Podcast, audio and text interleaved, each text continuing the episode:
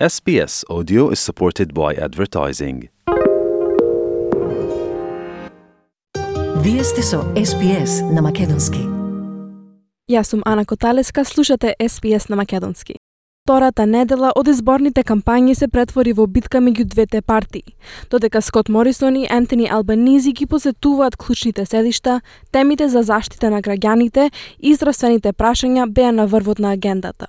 Повеќе од прилогот на Кришани Данджи за SBS News.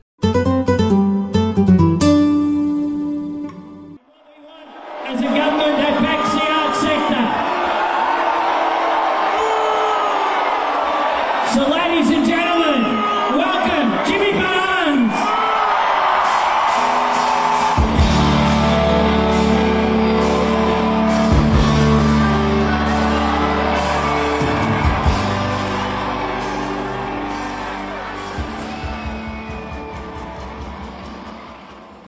Лидерот на опозицијата, Антони Албанизи, се подсети на своите работнички корени на појавата на главната сцена на музичкиот фестивал Bluesfest во неделата вечер. Но реакциите беа мешани. Во понеделникот, господин Албанизи отпатува за север, во посета на населението опустошено од поплавите, надевајќи се на потопол прием.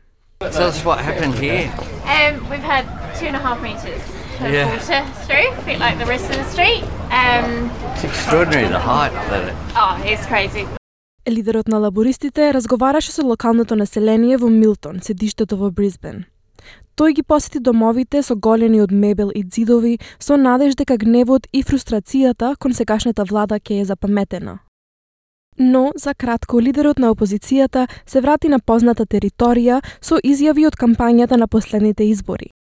Тој го критикуваше изборот на премиерот за новата министерка за здравство, Ан Растен.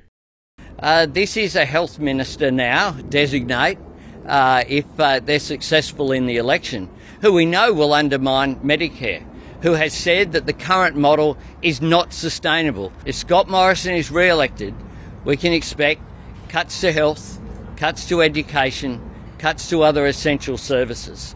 Во меѓувреме, на другата страна на земјата во Западна Австралија, Скот Морисон исто така како и порано ги критикува лабористите, велики дека имаат слаби решенија за граничните прашања, истовремено најавувајќи финансирање за два нови поморски патролни чамци. I know that when Labor abolished temporary protection visas in 2008, the armada of people smugglers' boats came to Australia, and that was the launching point. Оваа реченица гласачите ја слушнале порано, на предходните избори. Коалицијата ја користеше заштитата на границите како клучна тема за победа на изборите, уште во времето кога Тони Абет беше лидер на опозицијата. Stop the boats we must, stop the boats we will. И по една недела обележена со гафови, вчера господин Морисон не можеше правилно да се сети на стапката на баратели на работа. Барателите на работа добиваат 46 долари неделно, но вистинската бројка е 46 долари дневно. Таа грешка премиерот подоцна беше принуден да ја разјасни. Prime Minister, do you know the job seeker rate? $46 a day. You got the job seeker rate. Oh, I misspoke. It was pretty straightforward. И премиерот и лидерот на опозицијата вчера ги посетија клучните седишта.